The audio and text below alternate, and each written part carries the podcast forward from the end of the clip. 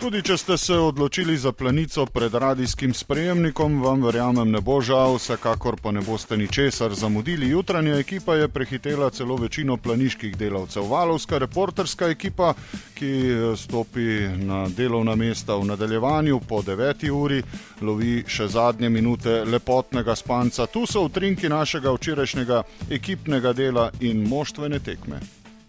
Tu je res vse tako lepo, kičasto pravzaprav, ampak se mi dozdeva, da bo samo še lepše in lepše.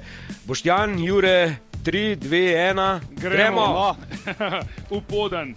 Ja, super, vsi nasmejani hodijo mimo nas, letalci Petr Prevce je samo pomahal in odšel um, svojim nalogam uh, naproti. Zelo dobro vzdušje, je ogromno navijačev, ko me čakam, da nam tudi sporočijo po tej prvi seriji, koliko je uradna številka. Nam se zdi, da je uh, vsak, ki je prišel, uh, faca in super in niti ni pomembno, koliko jih je.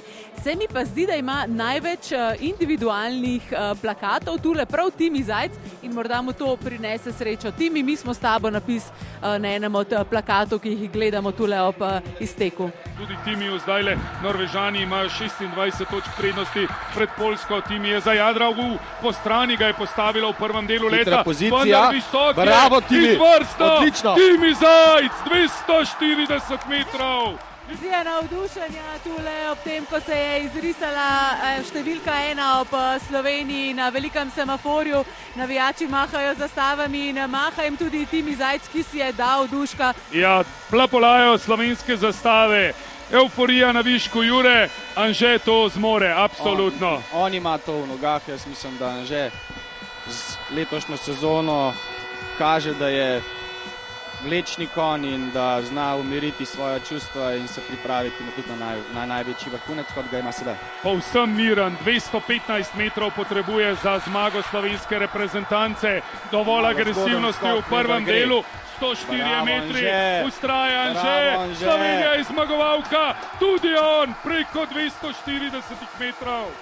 Trajala bo in trajala ta zabava. Slovenija je zmagala 24 točk in 2 desetingi, pred Norveško Avstrija je zaostala 56 točk, Poljska 79.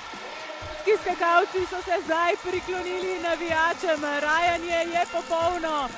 Presrečna četverica v izteku, prepustili so jim Norvežani, tako kot sem dejala, v srednje prizorišče. Anžela Lišek pa se je od veselja kar ulegal na tla in zdaj posebej svečano. Vsi skupaj pojemo himno, akustično. Neverjetno in eh, v tem eh, verjetno uživa tudi na vrhu pri mostu glavni slovenski trener. Eh, Ne vem, ali ima solzne oči, vse čas je miren v teh dneh, eh, ampak upam, da danes, saj s kančkom navdušenja, posluša tudi to, kar se dogaja v Istri.